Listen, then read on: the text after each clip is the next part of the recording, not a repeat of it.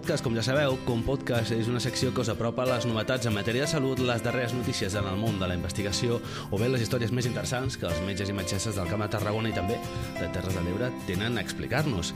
I en aquest Com Podcast, com bé ja sabreu, queden poquets dies per que se celebri la Tarraco Reis, la cursa dels metges de Tarragona que organitzem des del Col·legi de Metges i que enguany arriba a la seva segona edició.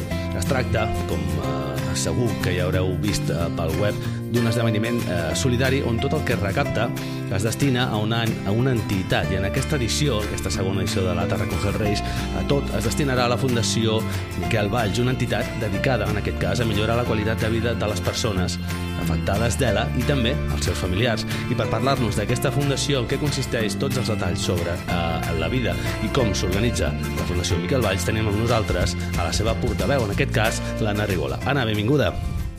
Moltes gràcies, Albert.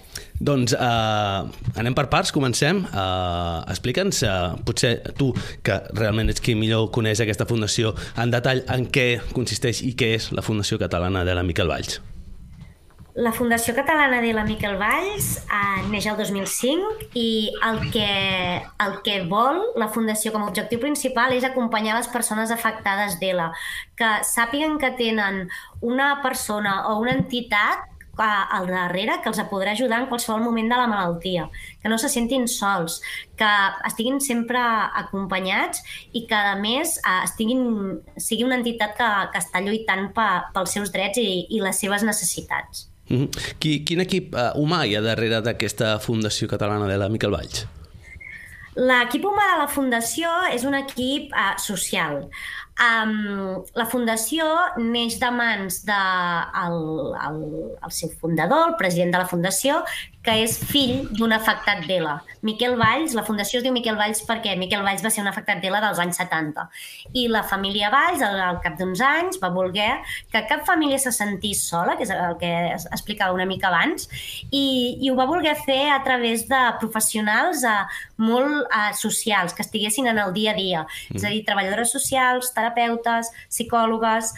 Eh, i a partir de tots aquests perfils professionals, el que fem des de la Fundació és atendre la, les necessitats més socials, tant en els domicilis de, de les persones afectades a tot Catalunya, com en a, a diferents unitats especialitzades de, de la malaltia, com poden ser la de l'Hospital de Bellvitge, la de l'Hospital del Mar, la de l'Hospital de, de Sant Pau. A més a més, des de la Fundació també eh, proporcionem tot el que són materials tècnics que requereix la malaltia. La malaltia, és, al cap i a la fi, és una malaltia que evoluciona molt ràpidament i, i fa que hi hagi una discapacitat cada cop més um, progressiva i es necessiten uh, cadires de rodes, grues, llits, uh, i d'aquesta manera nosaltres tenim un banc de productes de suport amb més de 2.500 materials i els hi cedim a, a les persones en el moment que el necessiten i els expliquem també com l'han de fer servir perquè, uh, per exemple, els cuidadors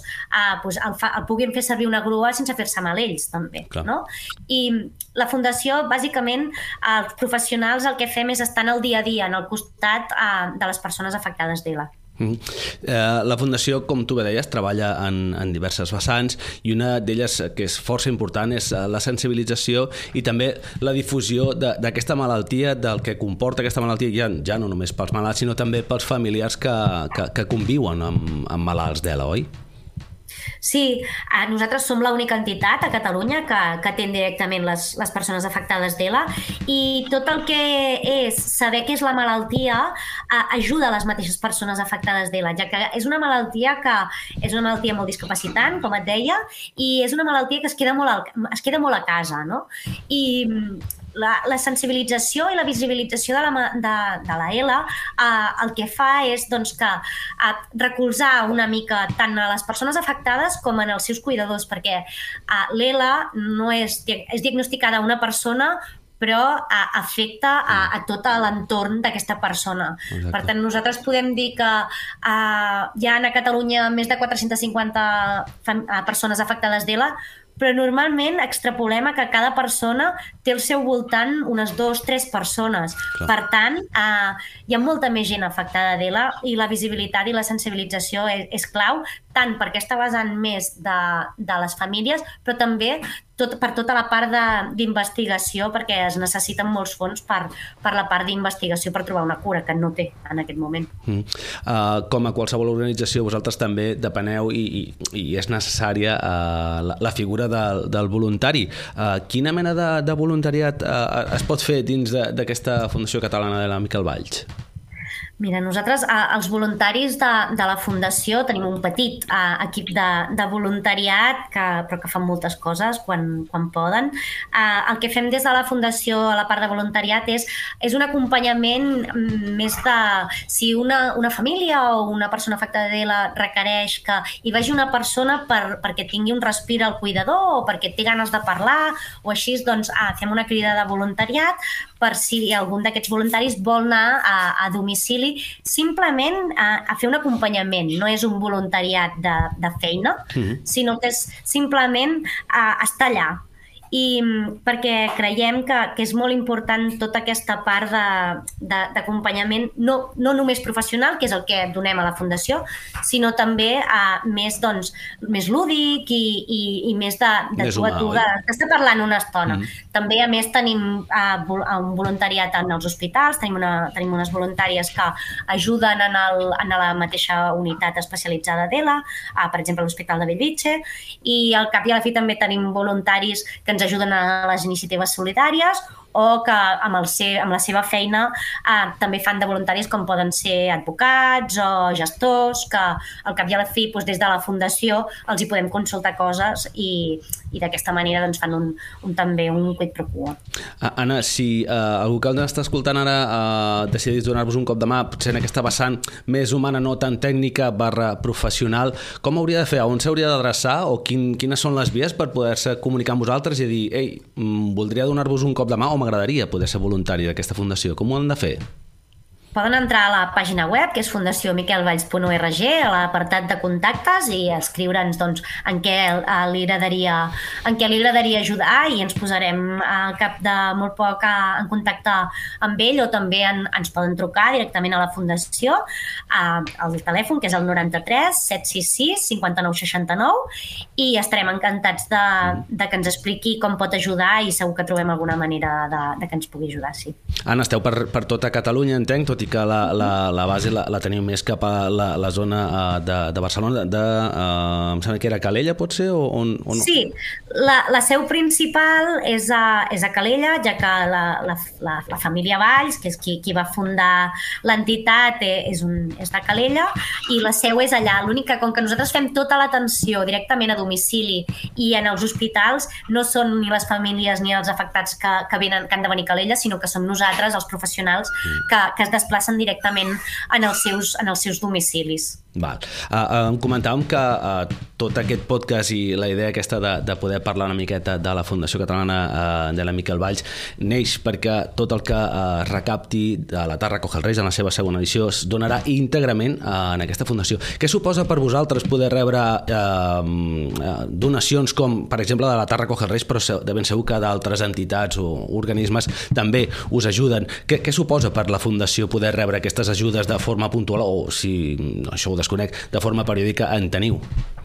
Sí, qui vulgui donar, fer una donació de forma puntual també a la pàgina web hi ha l'apartat de fes un donatiu, però també eh, es poden fer eh, donatius eh, periòdics, mensuals, semestrals, que també en aquella part eh, hi ha, hi ha l'opció, això sí. Eh, com ens ajuda? Ens ajuda molt, perquè eh, el 80% del, dels ingressos de la Fundació són privats. Mm. Només uh, un 20% de, del que entra per ajudar les persones afectades d'ELA ve, de, ve de, de, dels estaments públics, a partir de subvencions, la majoria. Uh Per tant, tot el 80% de, del, del pressupost de la Fundació, que és quasi d'un milió d'euros, ve d'entitats de, d'entitats privades, d'altres fundacions, d'esdeveniments com, com pot ser uh, la cursa. És a dir, sense aquesta, aquests esdeveniments i aquesta part privada, la Fundació no podria fer ni la meitat del que fa. Mm. És interessant doncs, que a iniciatives com la de Tarracó puguin donar un cop de mà i siguin un gran més de, de sorra per uh, fundacions com, com la vostra. Parlaves també que uh, la Fundació, parlava molt de la sensibilització i la visibilització d'aquesta malaltia, però també de la, de la investigació. Uh, si, si anem potser un, a una part, a una vessant més tècnica, uh, en quin moment es troba uh, el tema de la investigació d'aquesta malaltia? Creus que tard o d'hora, uh, més, més aviat uh, d'hora que no pas tard, es podria trobar uh, alguna cura per aquests malalts d'ELA? Uh, nosaltres esperem que sí i, i creiem que en algun moment, mm, potser més que una cura, el que trobarem abans és algun fàrmac que faci que la malaltia sigui crònica mm. o que allargui molt l'esperança de vida, ja que la L l'esperança de vida és entre aproximadament entre 3 a 5 anys des del moment del diagnòstic. Per tant, uh, trobar un medicament o trobar uh, algun fàrmac en què allargui l'esperança de vida i es converteixi en una malaltia crònica ja seria, ja seria un, un triomf. I nosaltres sempre diem que ens volem quedar sense feina per tant, eh, per nosaltres la part de la investigació és molt important, tot i que la part d'investigació es fa a les, la, a les, a les instituts d'investigació i a les unitats d'ELA. La investigació, què passa? Que la ELA és una malaltia esporàdica, el 90% dels casos no sabem d'on ve, només és entre un 5 i un 10 és hereditari, uh mhm. -huh. per tant, no sabem res de la malaltia des d'abans del diagnòstic. I tot el que és d'on ve la malaltia no ho tenim clar, per tant s'està investigant molt també en, en aquest aspecte, a, a la base. Què passa? No, de moment les investigacions no estan trobant el que realment volem, però l'important és que s'estan fent moltíssimes investigacions. Se n'haurien de fer més i hauria d'haver-hi més recursos, sí, però avui en dia s'estan fent moltes investigacions i qualsevol investigació, encara que no acabi de, uh, bé, és a dir, que uh, si és un fàrmac o el que pues, no, no ha millorat l'esperança de vida o no ha millorat el que es volia millorar d'aquest fàrmac, sempre tenim informació.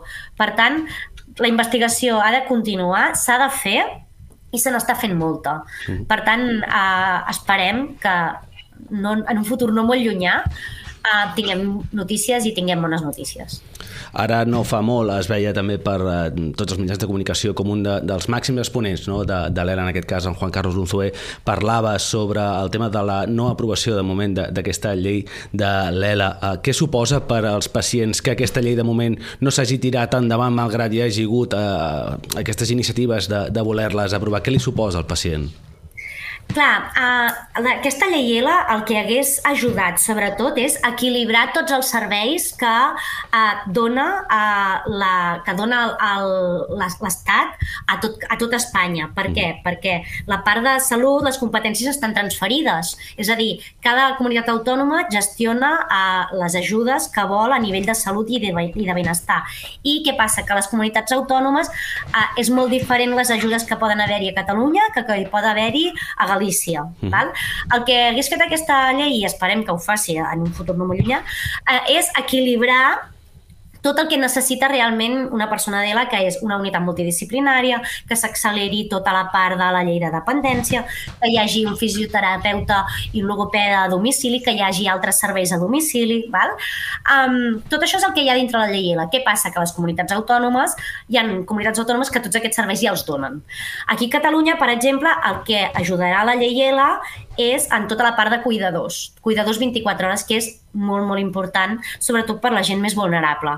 Um, I cuidadors que estiguin formats. És a dir, la llei preveu que hi hagi una partida per persones afectades d'ELA doncs, que tinguin un cuidador 24 hores o les hores que necessitin. Per què? Perquè si no són els familiars, són amics o són gent que no pot pagar un cuidador extern. No? Doncs aquesta llei aquí a Catalunya, sobretot, sobretot, el que haurà ajudat, el que ajudarà és en això, en la part de cuidadors, perquè tota, tot el que preveu la llei, com, per, com el que us he dit, no? doncs, uh, l'acceleració de la llei de dependència, tota la part de fisioteràpia i logopèdia, tota la part de les unitats multidisciplinars. Aquí a Catalunya tot això ja ho tenen. Mm. Que es podria millorar? Sí, però com a mínim ja hi és, ja hi ha uns mínims, que fora de Catalunya la majoria de comunitats autònomes tot això no ho tenen. Mm. Per tant, la llei eh, per aquí a Catalunya el que farà és sobretot, sobretot, cuidadors 24 hores que ara mateix és indispensable, és... perquè una persona que no pot uh, valdre's per si mateix i que no té una xarxa um, i és una persona vulnerable que no té uh, recursos econòmics, no es pot pagar un cuidador 24 hores. Clar, perquè és, és el que parlàvem amb Juan Carlos Muzué, que el vam tenir al febrer al Col·legi de Metges, i era una de les grans reivindicacions el fet de dir eh, jo perquè tinc una, una situació econòmica que em permet poder tenir eh, una persona que tingui Exacte. cura de mi, però el gran problema és que potser una persona que no té els mitjans que jo tinc, potser disposa d'una hora a la setmana eh, d'un cuidador, eh, el, el canvi qualitatiu per l'aprovació d'aquesta llei pel pacient pacient seria un uh, canvi brutal en la vida d'ell i dels familiars, oi? Sí, exacte, perquè normalment la majoria de cuidadors principals acaben sent els propis familiars. I, i clar, i a més són cuidadors que no són cuidadors formats, que mm. també reivindiquem això moltes vegades, no? que siguin cuidadors formats en la malaltia, perquè la malaltia és molt específica, té moltes coses i hi ha d'haver-hi una formació, també perquè també no pot ser qualsevol cuidador d'una persona afectada d'ELA, sinó que ha de tenir un, un, unes nocions. Mm -hmm. Perdó. No pateixis. Anna, anem acabant aquest podcast, però m'agradaria que uh, poguessis recordar uh, el que comentàvem uh, tot just fa una estoneta per aquelles persones que estiguin interessades en poder donar-vos un cop de mà a la Fundació Catalana de la Miquel Valls, com poden uh, posar-se en contacte amb vosaltres per uh, ser voluntaris? Doncs uh, entrant a la pàgina web, que és uh, fundaciomiquelvalls.org. També tenim, uh, també ens poden contactar per xarxes socials, Instagram, Twitter, Facebook, que som arroba fmiquelvalls, o per telèfon, que el telèfon és el 93 766 59 69. I a partir d'aquí segur que que, que, que poden fer alguna cosa per, per les persones afectades d'ELA i també eh, doncs, qui vulgui ajudar i estigui per Tarragona que, que s'apunti a, la, a la cursa, això és important també. Anna Rigo, la portaveu de la Fundació Catalana d'ELA, Miquel Valls, moltíssimes gràcies per apropar-nos la realitat de la vostra fundació, la realitat també dels vostres pacients i esperem eh, que la gent s'animi a formar part d'aquest voluntariat que tots just comentàveu. Moltes gràcies a vosaltres.